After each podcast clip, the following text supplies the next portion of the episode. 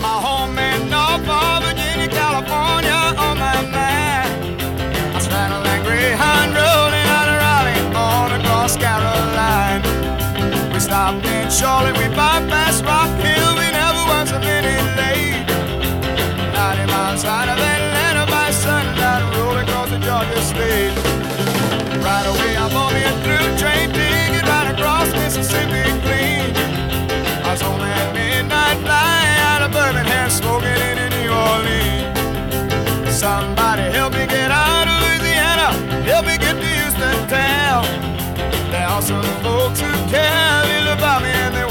the poor boy down.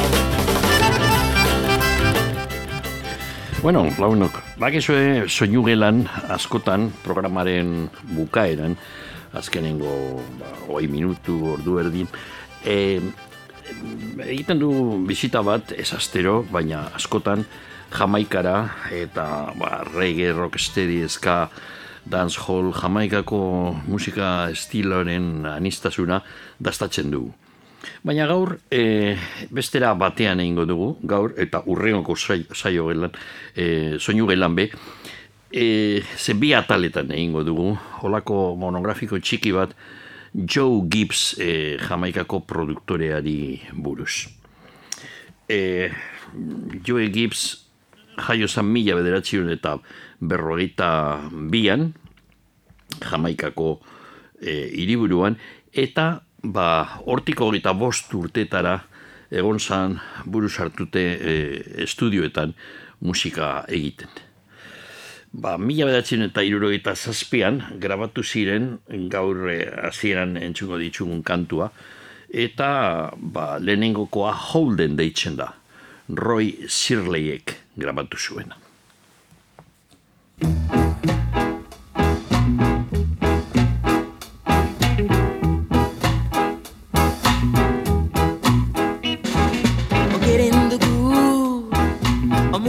Feel good, feel good. Left and right, east and west. Believe me, believe me. With this blues, the best in sound.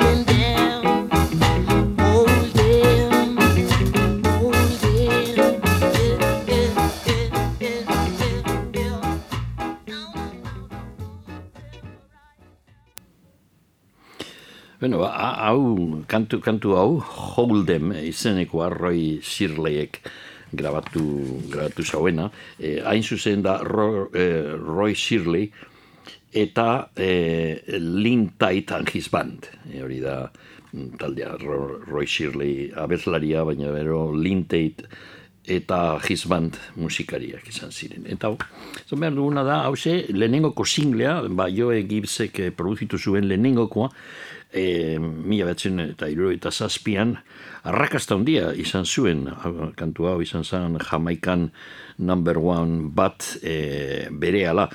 Eta gero, apur bat beranduago, e, urte hartan, e, parkatu, urrengo urtean, irurogeta sortxian, e, LP batian, Explosive Rock Steady, ekarri duguna da CD bikoitza, izen bera du, Explosive Rock Steady, eta zalean agertzen dena, agertzen den irudia da, LP hartan zegoena, eta LP horretan amabi kantu batu zituen, baina e, singeletan harinau agertu zirenak. Bueno, orain entxungo dugu, beste kantu bat, urte berekua, mila bedatzen eta irro eta zazpian, grabatu zuten The Pioneersek Long Shot izeneko kantua.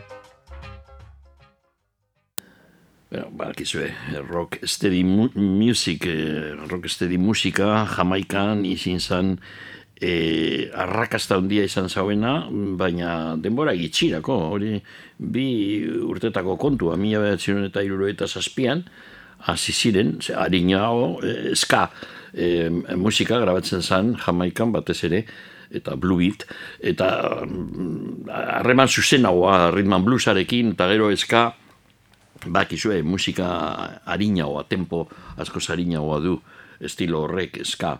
Eta bapatean, ba, nolabait, e, gelditu edo geldoago egin zuten erritmoa, eta hori rocksteady izin zan, mila bedatzen eta iru, eta zazpian azite urrengoko urtean bukatu zan.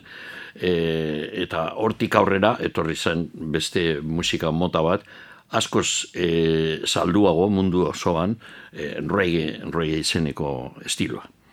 Baina, bueno, hainbeste musikariak ibili ziren estilo ezberdinetan, eh? Me, dauz asko, adibidez, tut, me, eh, tut eh, Hibbert and the Maytals dire e, e, erugarriak zentsu horretan, hasi ziren eska egiten, rocksteady musikatik pasatu ziren, arrakasta handiz eta gero reggae be bai, eta bueno, gaur, orain gitxe arte parkatu, haure un arte ezin da ez Tuts Hibbert hilzan pasaden urtian.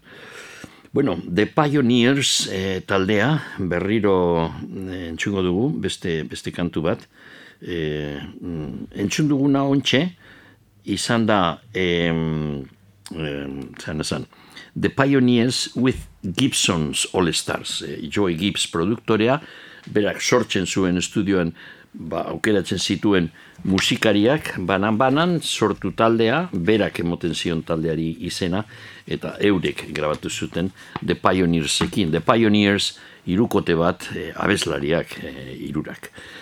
Urrengoko kantu honetan, Give Me a Little Lovin' izenekoa, The Pioneers e, grabatu zuten, baina beste talde batean, Joe Gibbs bebai izan zen produktoria, baina Lynn Tate eta The Jets, e, izan ziren musikariak kantu honetarako. Give me a little loving.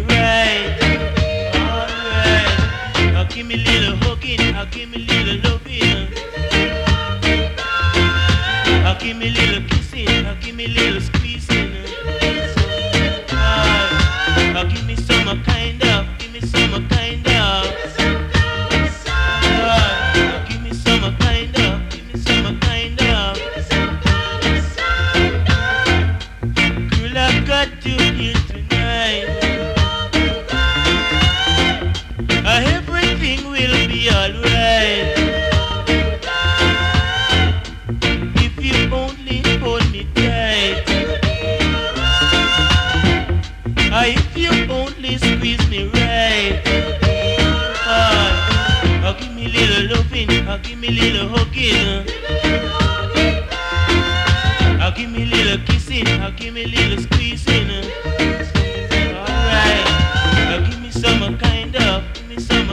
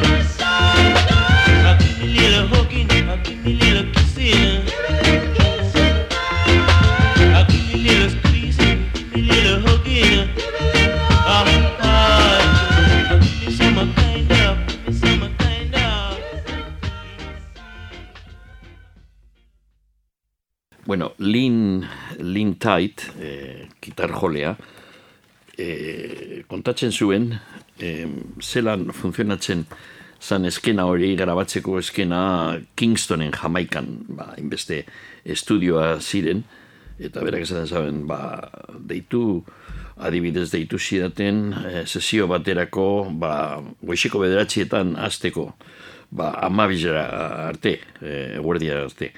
Eta ba, jarraian beste estudio batean, beste bat, e, Laura Karte arratzaldean. E, bostetan, beste estudio batera joan, eta sortxirak arte.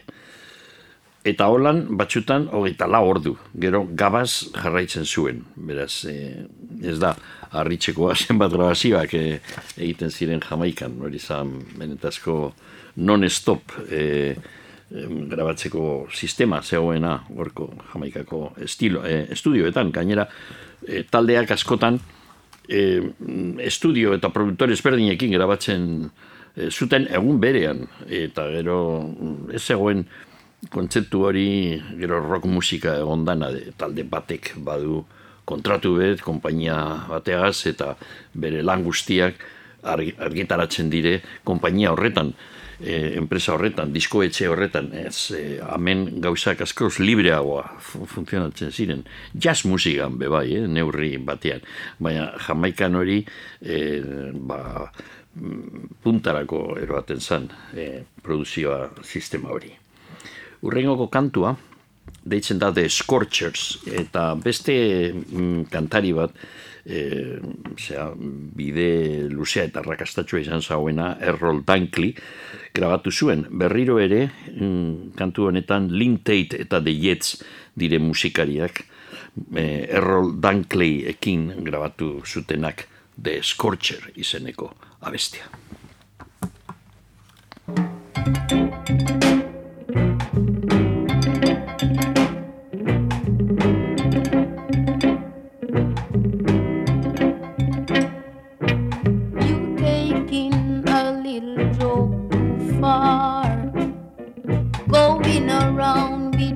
With your so-called spar, using that big mouth you have to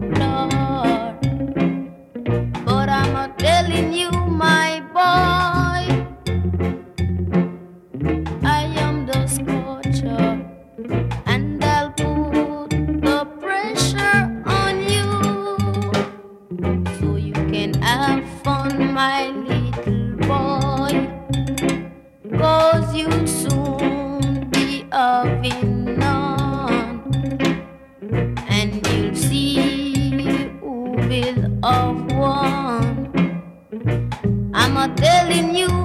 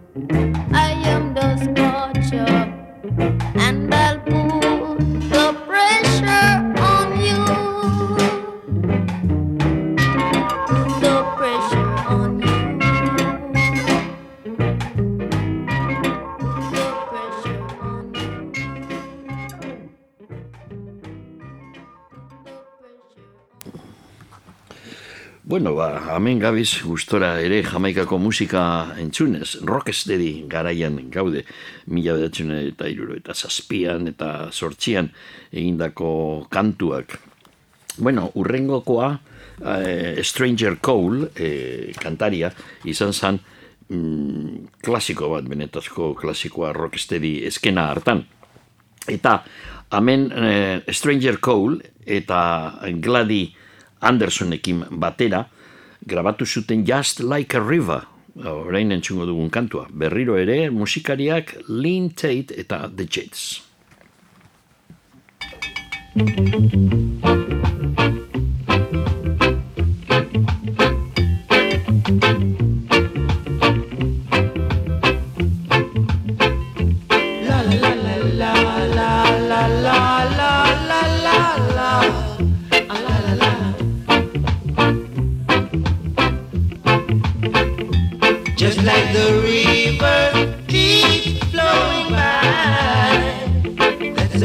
Teardrops falling from my eyes.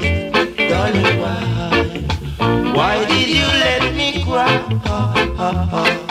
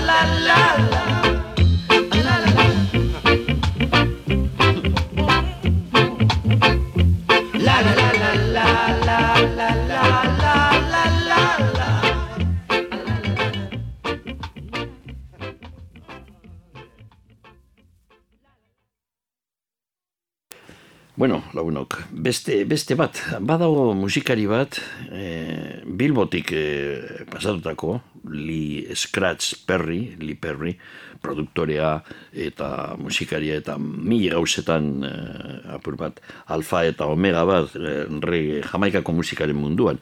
Eta garai honetan, iroiko amarkada honetan, iroita zazpian, Lee King, Scratch baino Lee King, King goitizena zuen Perry eta I am the Upsetter, berak sortu zuen gero talde bat, The Upsetters, baina e, Lin Tait eta The Jetsekin grabatu zuen kantu hau, orain entzungo duguna, I am the Upsetter, kantu bat gero Lee Scratch Perrik behin eta berriro grabatuko zuen, eta bere taldea esan dudan moduan The Upsetters jarri zion izena bere taldeari, baina hau harinagokoa izan zen.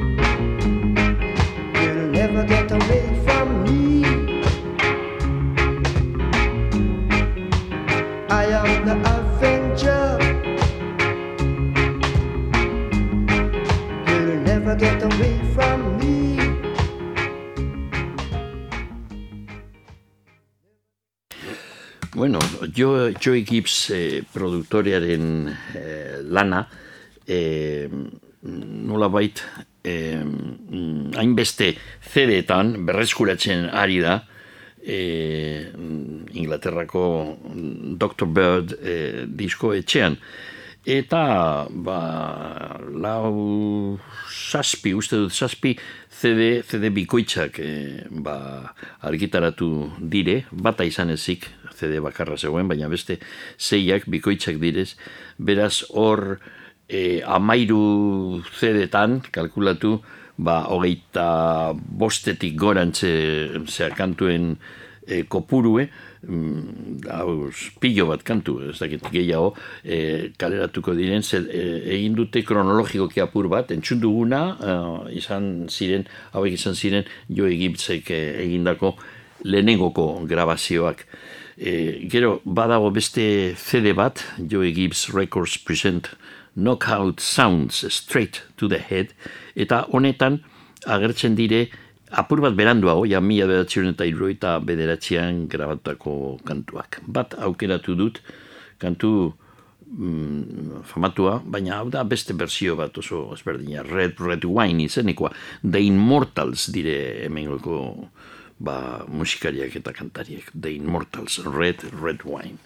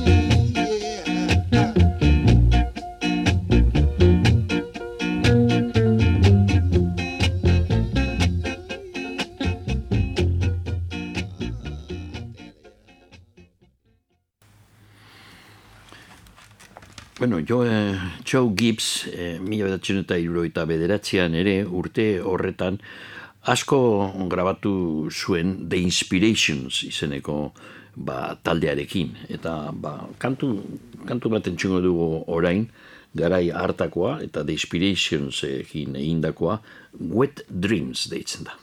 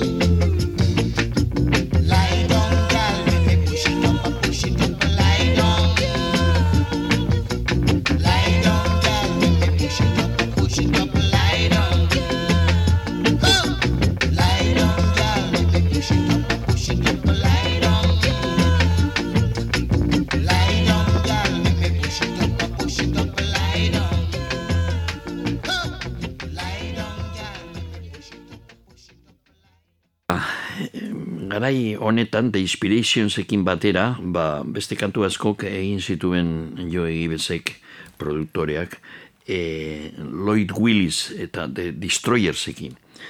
Pare bat entzungo ditugu, lehenengokoa deitzen da Little Fever.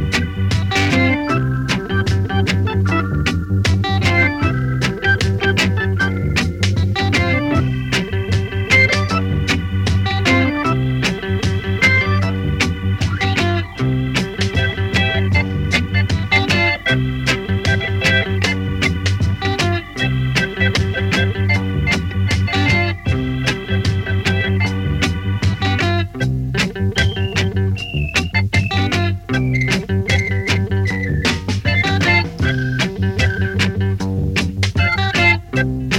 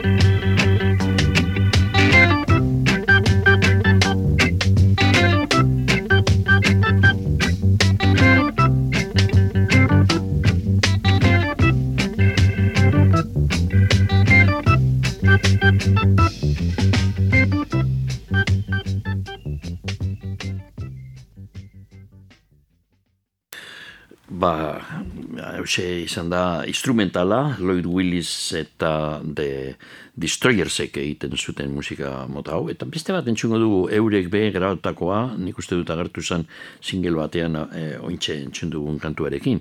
Eta hau nahiko ezaguna doinu hau. Hau da Liquidator.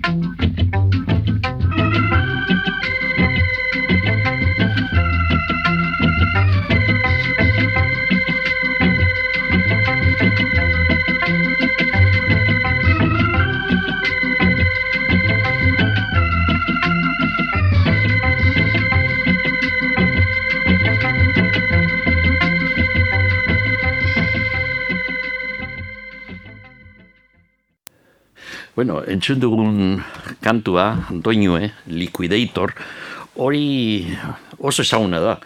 E, futbol, soccer munduan Inglaterran, batez be Chelsea, e, Londresko, Londresko Chelsea taldearen partiduetan, bada ose interneten, ipintzen baduzue YouTubeen Liquidator, Chelsea, hor agertzen dire, e, milaka eta milaka ba, jarratzailea Chelsea-enak, e, doinu hau egiten nora bait, eh? ez da usitxik hemen, baina e, ia, ia, Chelsea taldearen ba, himno estrafixala bihurtu da. Eta azken finean, musika hau, irurogiko markada ja bukaeran e, azite, eta jarraitu dau, hainbeste zera, ba, e, Karibeko inguruko jendea, ba, migratu Inglaterrara musika hau, bihurtu zan e, oso entzunda, ba, e, Europan rei rockestedi guztiz ez zauna zangara hartan, baina Inglaterran e, basegoen eskena propioa, mm, e, joandako migrariak behaz ziren grabatzen, e, eta gero jamaikako taldeak eta grabatzen ziren diskoak ailegatzen dire Inglaterrara, eta ba, bihurtu zan musika rokarekin batera, leku batxuetan, e, skinheadzen artean esate baterako, ba, hori zin zan rock, baina ia ia entzun dago. Eta, bueno, orain, Mm, Joe Gibbesek mila batzion eta iruro eta bederatzean, e, kanturen bat urrengo kurtean bebai, e, iruro eta amarrean, ba, beste pare bat kantu, Ernest Wilsonek kantatzen da urrengokoa, eta kantua da oso famatua, mila batzion eta iruro eta amarrean grabatu zan hau, e, jatorriz e, Memphisen, Extax e, disko etxean, e, Thomas Bell e, grabatu zuen kantu hau, kantua komposatuta e, zera, ba, Jonesekin, Booker T. Jonesekin eta Thomas Bell, eta Private Number deitzen da. E, jatorrizko bersioa grabatu zuten e, William Bell, baita e, Judy Clay, bebai, e, bikote moduan grabatu zuten kantua, Private Number, amen Ernest Wilsonek egiten dau berzioa.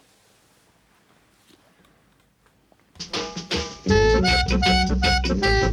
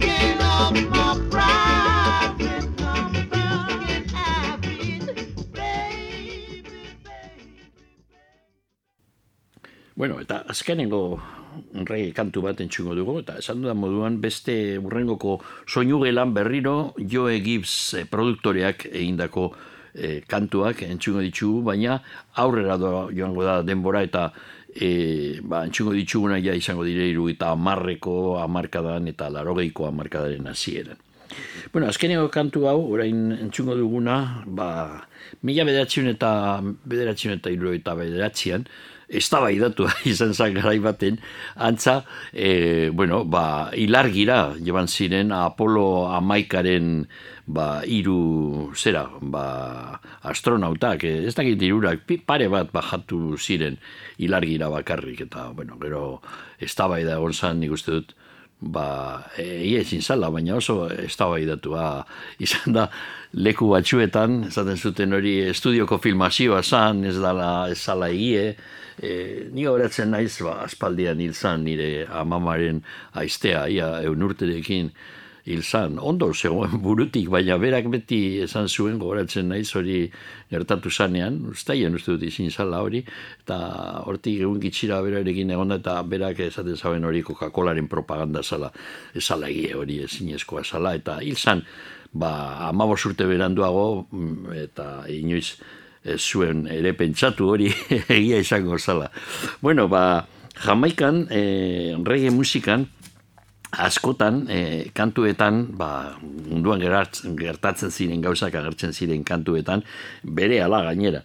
Eta hemen sortu zuten talde bat The Moon Boys ilargiko mutilak eta horiek grabatu zuten Apollo Amaika izeneko kantua. Hau da, orain entxugu duguna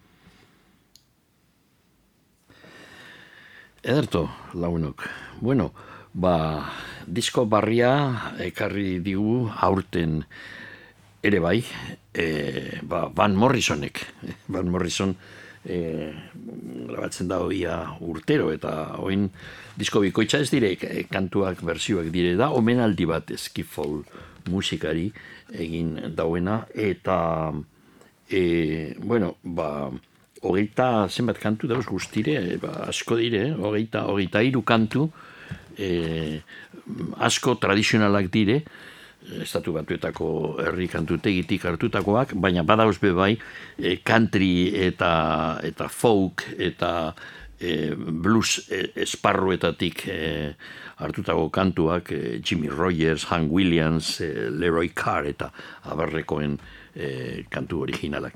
Bueno, mm, Skiffle Music e, izan zan, Inglaterran, e, berrogeita marreko amarkadaren bukaeran, pasaden mendean, sortu zan e, nola bait herri e, Ameriketako, ipar Ameriketako mm, herri musikaren variazio bat. E, beraz, e, rock and roll azizanean, rock musika azizanean Inglaterran, apurtxo bat beranduago, ba, esan hasi zerotik, Inglaterran aurretik, e, basegoen oso lotuta herri e, estatu batuetako musikarekin.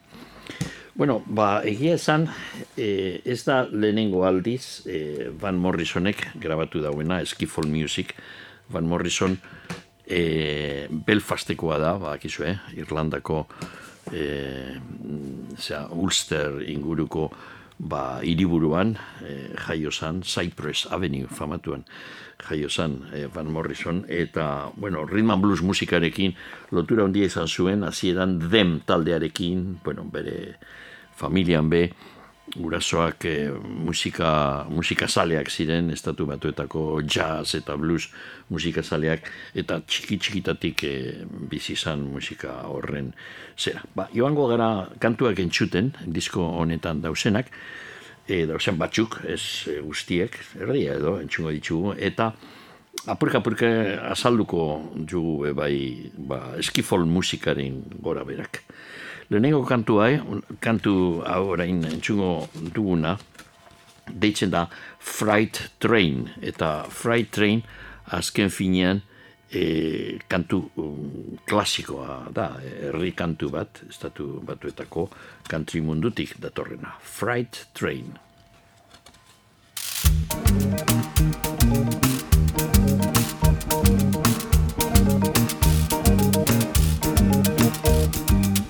Freight train, freight train, going so fast. Freight train, freight train, going so fast. I don't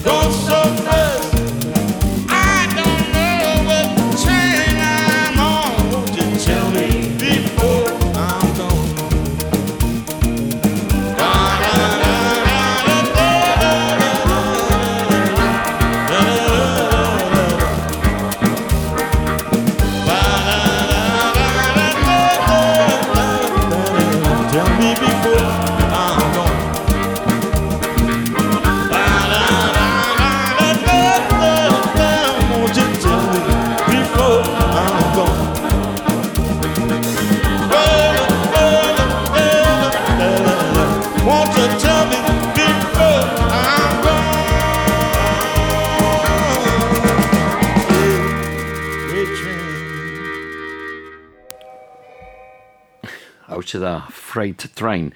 Train. E, bueno, ba, hemen e, sustraiak ba, herri kantu bat da, baina e, Elizabeth Kotenek be e, grabatu zuen kantu hau, aspaldian, oin egun urte do, eta berak e, idatzi zituen hitzak e, entzun dugun berzioan dausenak, e, jatorriz e, Elizabeth Kotenek egin zuen, eta orain Van Morrisonek e, hemen e, azkenengo diskoetan egondan bere musikariekin, normalean eurekin be, gehienak hemen dausenak, ataratzen dire berarekin be bai biretan, emanaldietan, zuzenean, eta, ba, dut, Richard Dunn teklatu jolea da garrantzitsuenetakoa e, talde horretan. Bueno, urrengoko kantua, Streamline, Streamline e, e, Train, hause Red Nelsonek e, country musikaren e, abeslariak komposatu zuen, eta ba, eskifol musikariek egokitu zuten aspaldian, eta orain Van Morrisonek erabili dau ba, omenaldi, ba, eskifol musikari egindako omenaldi honetarako.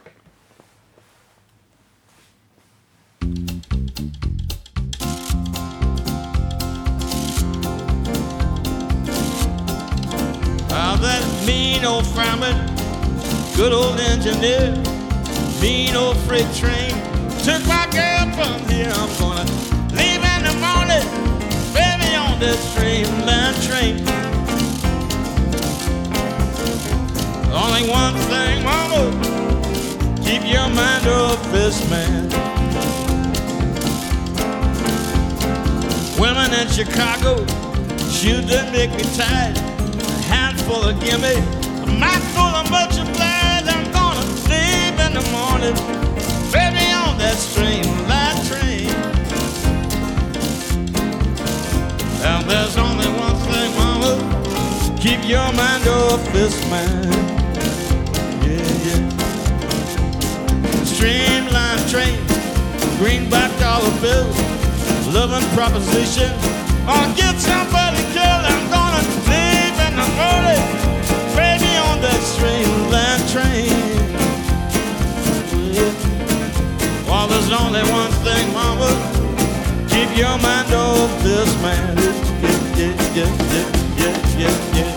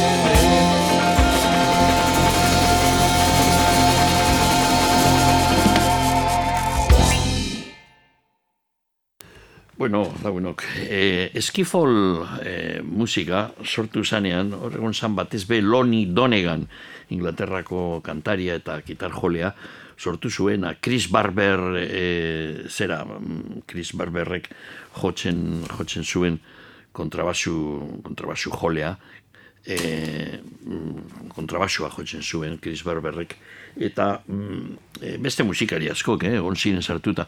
Eta hau nola bait, e, ba, proto rock and rolla izan zen. E, adibidez, The Beatles, jatorriz, sortu zirenean mila behatzen eta berrogeita mazortzian, eskifol talde bat e, ziren. John Lennon, Paul eta eta George Harrisonek egiten zuten musika eskifol zan. Euren eredua hori zan, Lonnie Doneganek sortutakoa. Bueno, urrengo kantua, entzungo duguna, da uh, oso kantu ezaguna, Gypsy Davy. Hau da jatorriz balada bat, eh, balada honek jatorria Eskozian dago. Hortik pasatu zen estatu batuetara, Gudi Gathrik egin zuen oso berzio entzunda, asko zabaldu zana, Gypsy Dave eh, kantuarena, baina gero kantu hau egon da investigatu egiten. Kiko Benenok, azkenengo grabazioan, pasaden urtean edo, edo orain pare bat urte, egin zuen gaztelaniaz berzio bat, gitano eh, Dave. Eta bueno, ba, kantua kontantzen da historia bat, eh, nola bait, eh, eh, herri batera ailegatzen dire euren eh, gurdietan ba hijito ba e, talde bat eta hor herri horretan jauregitxo batean bizi da Andra aberats bat eta bere gizona eta Andra horrek azkenean izten, izten dau bere dirua, bere jauregia eta bere bikotea eta deip hijito arekin eskapatzen da. Hori da historia ora asko errepikatzen da, eh? antzeko historia e, hori e, herri baladetan, bai Inglaterran, Irlandan eta Eskozian. Eta gero, estatu batuetara, esan duda moduan, pasatu zen Gypsy Davy kantua, eta eskifol musikarekin buelta, eh, bueltatu zen egin zuen bidaia atzera berriro Bretainara, Bretaina ondire. Hau da kantua, Gypsy David.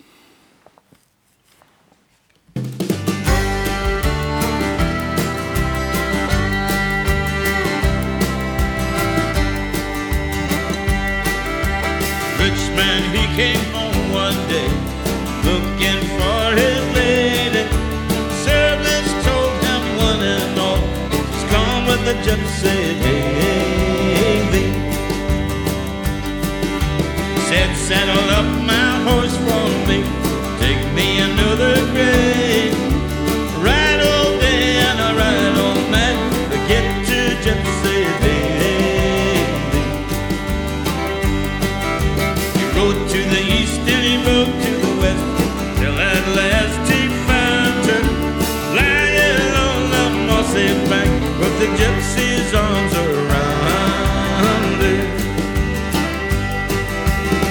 Come home with me right now, come home and see your baby. I'll forget that you ever rode away with the gypsy David. I won't come home again with you. She said, I don't want to see my baby.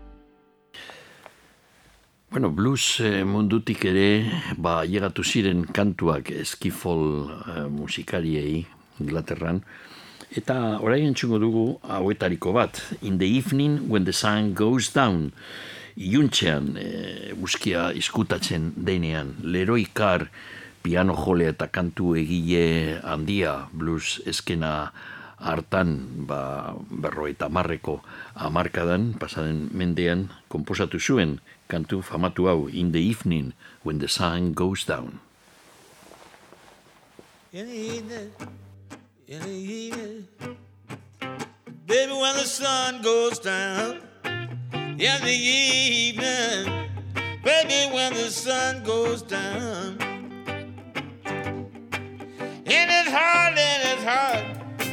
When ain't around. When the sun goes down in the evening, in the evening. Baby, when the sun goes down in the evening. Baby, when the sun goes down. And it's hard, and it's hard when your lover ain't around.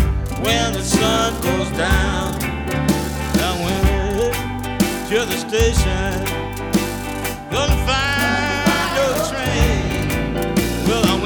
Station. Couldn't find no train. Deep down in my heart, I had an aching pain when the sun goes down.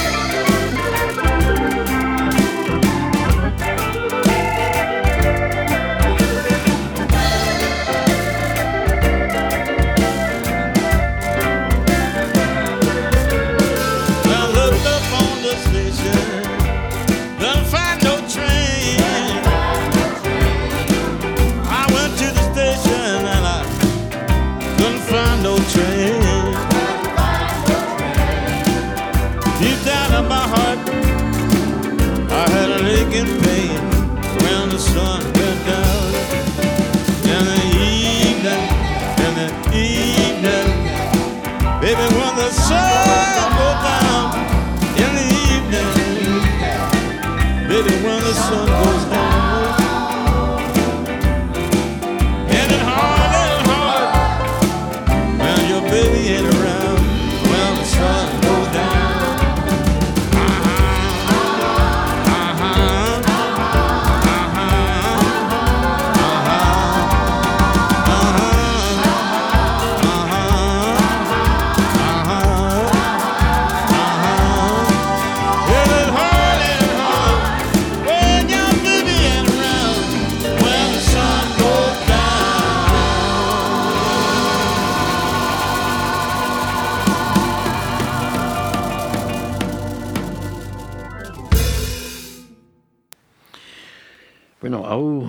da e, Van Morrisonek argitaratu dauen lehenengoko diskoa, eskifel musikarekin.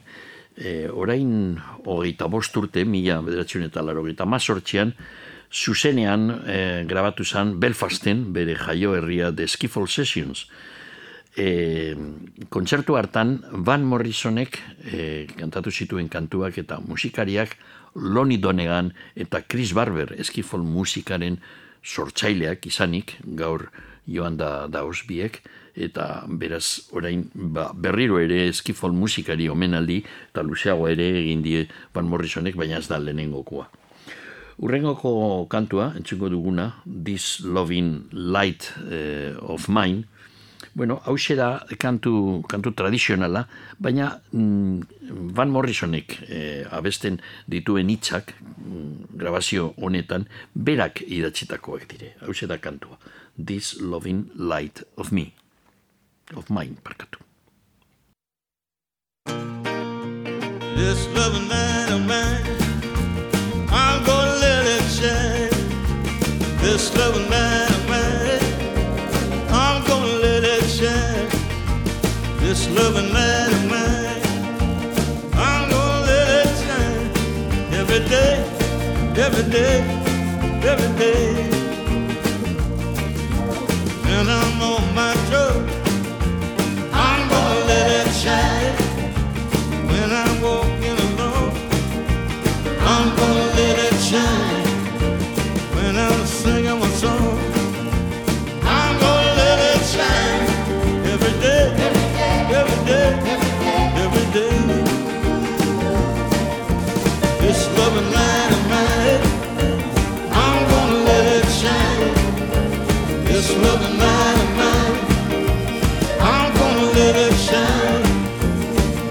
This loving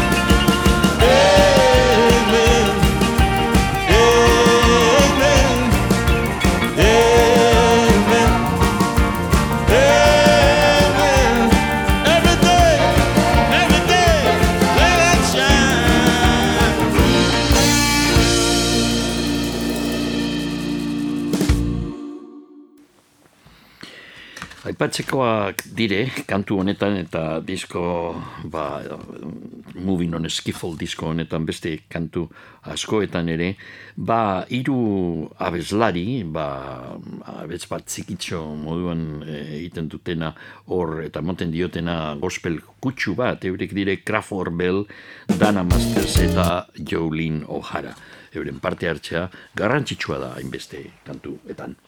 Bueno, ba, aurrera joango gara kantuekin. Urrengokoan, eta ez da bakarra disko honetan, partaidea Seth Lakeman, Seth Lakeman bibolin jolea, eta kantu egile garrantzitsua, bera Cornwallekoa da, bak, e, Britania hondian dauz, mm, askotan, da, ba, iru nazio, Inglaterra, Eskozia, eta Zimru edo Gales, baina badago laugarren bat, edo bat laugarren bat, e, gaeliko zitza egiten zan be bai, kornis, e, ba, izkuntze gaeliko, galdute, orain bi mende, e, eta Cornwall dago Inglaterrako mm, egoaldean, izkina batian, e, zena, mendebalean, e, Seth Lakeman, e, disko honetan ere, hainbeste kantuetan bere bibolinarekin parte hartzen dauena, Cornwallekoa da. Bueno, kantu, orain entzungo dugun kantuan, Come On In, kantu tradizionala, Seth Lakemanek eh, egiten dau uh, bibolinarekin bere parte hartzea.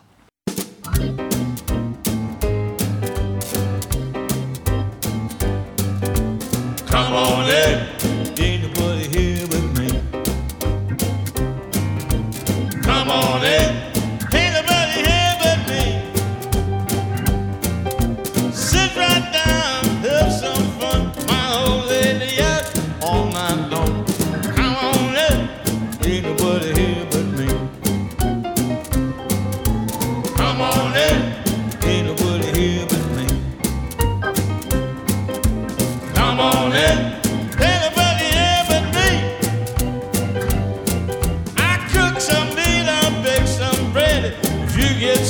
a great big bed. Come on in, anybody here but me. Come on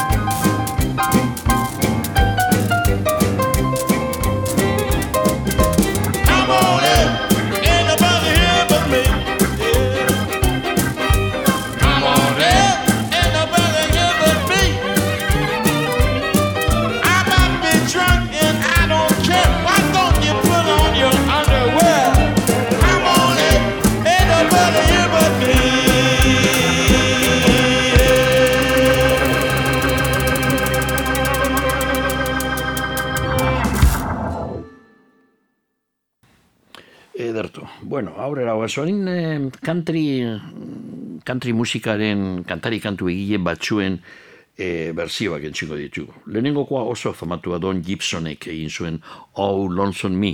Nik uste dut Ruperrek kantu batean aipatzen zuen e, kantu hau Oh, Lonesome Me. Eta orain entxiko dugu Van Morrisonek e, zera, erregistratu duen berzioa. Oh, Lonesome Me.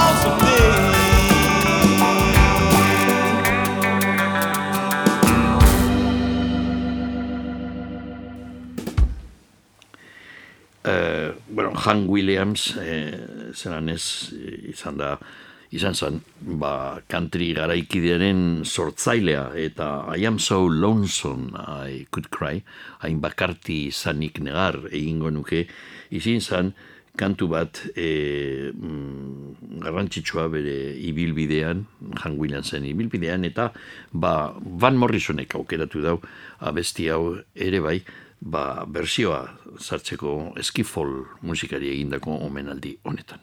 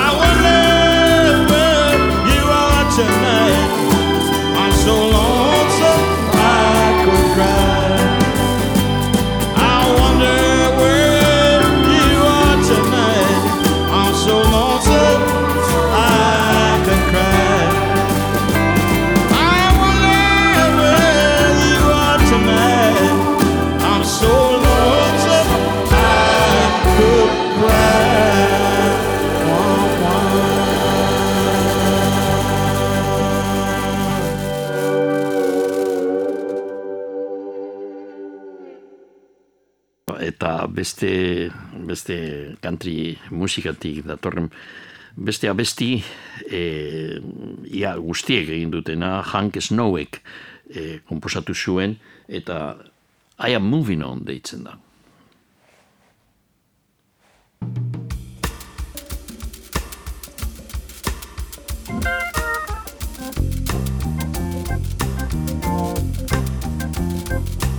I warned you, baby, from time to time, but you just wouldn't listen. Don't pay no mind, so I'm moving on. Oh, I'm rolling on. You've broken your vow, and it's all over now, and I'm moving on. That biggie wheel going down the track. Say you true love he ain't coming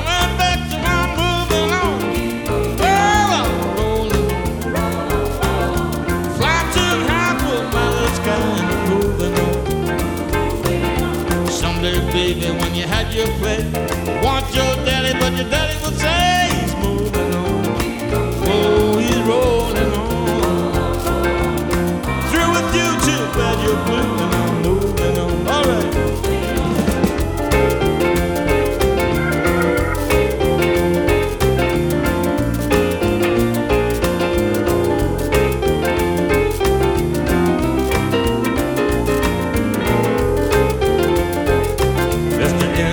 Mr.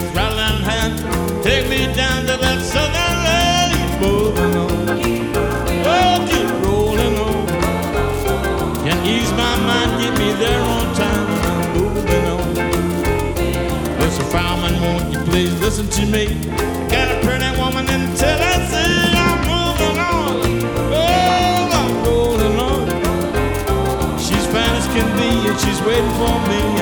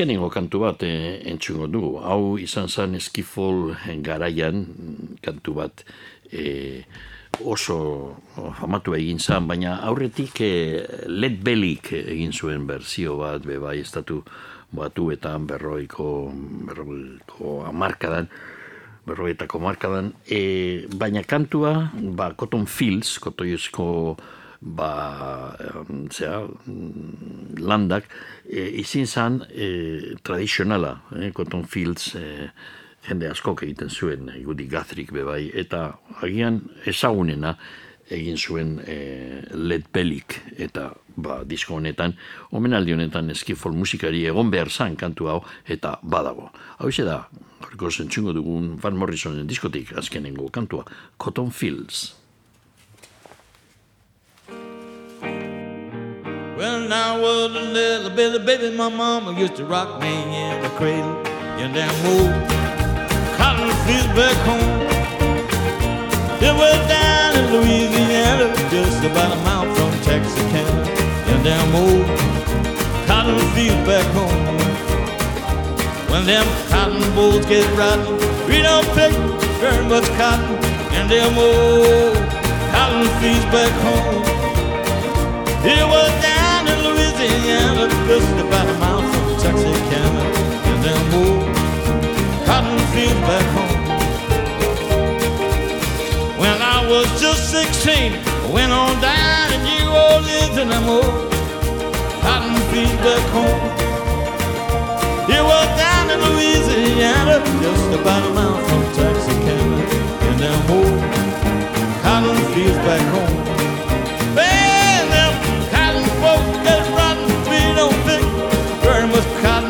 Cotton in them old cotton fields back home. Yeah, we're down in Louisiana, just about a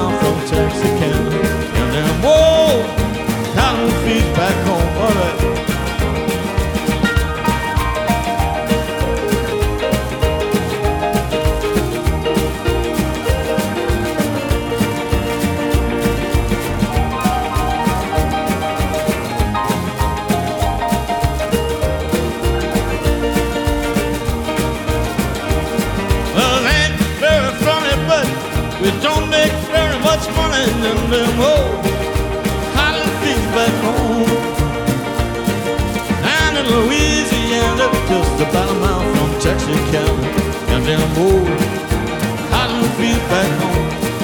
Well, them cotton bolls get rotten. We don't pick very much cotton in them old cotton fields back home. Yeah, we're down in Louisiana, just about a mile from Texarkana, in them old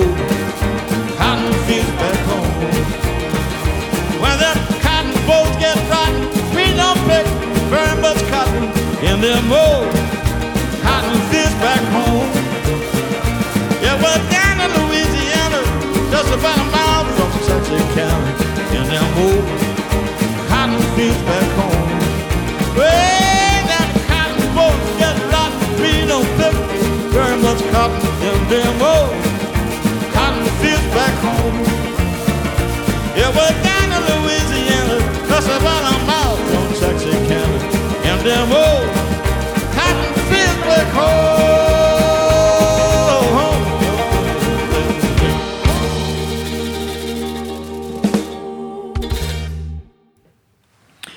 Ederto. Bueno, ondino badugu denbora, beste kantu pare bat entzuteko. Arabako entol sarmiento taldeak edo ETS-ek disko berria guretzat izeniko argitaratu dute, ba, e, hause abenduan, kaleratu zan pasaden abenduan, bagabiga disko etxean. ETS taldeak, dio amen e, prentza horri batean dinote, e, bere historiako diskorik ausart, ausartena argitaratu berri du. Guretzat eraldaketa prozesu baten emaitza da. Aukera barriak izeneko azken lanarekin hasi zana. Popa nagusi den apustu mimatu bat da. Musika estiloekiko dauden aurre eritzi oro alde batera utziz. Guretzat musika estilo ugari ustartzen, ustartzen eh, dituen emozioz beteriko mendi erruxerra da Guretzat lanaren musikak eta hitzak inigo etxezarretarenak dira, eta ekoizpena jenistrani katalanak egin dau. Bueno, entxungo dugu, entxungo dugu lehenengoko kantua, da disko honi izena emoten dion abestia, guretzat, eta kantu honetaz diote, diskori hasiera eta proiektuari izena emoten dio, soinu latinoak keinu flamenkoekin ustartuta, kantu honekin unibertso musikal berri bat irekitzen du taldeak. Abestian zehar, bi pertsonen arteko pasiozko harremana deskribatzen da, bizitzari emana aldiogun balioa gogoratuz. Huse da kantua, guretzat. Bai, mi aldiz irudikatu zaitut nire belarrira xuxurlatzen. Bai, orduak agortu zure gorputzeko azal guztia zeharkatzen. Gerritik alduna zazu gaur bekaturik ez da,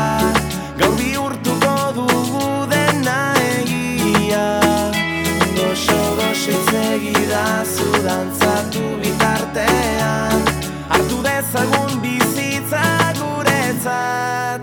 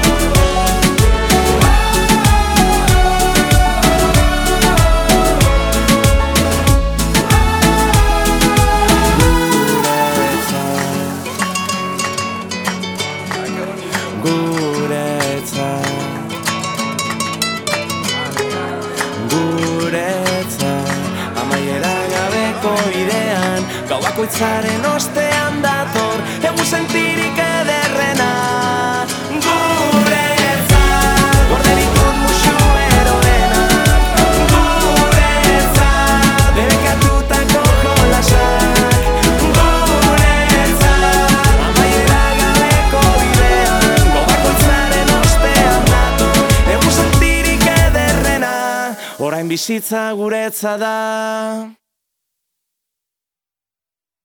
Bueno, badago beste beste kantu bat, barkaidazu, eh, ba, izeneko ba. E, kantu honetan inaut e, elorrieta referentearen kolaborazioak abesti maia gorenera eramaten dau, euren ustez. Bueno, hau da kantua, barkaidazu.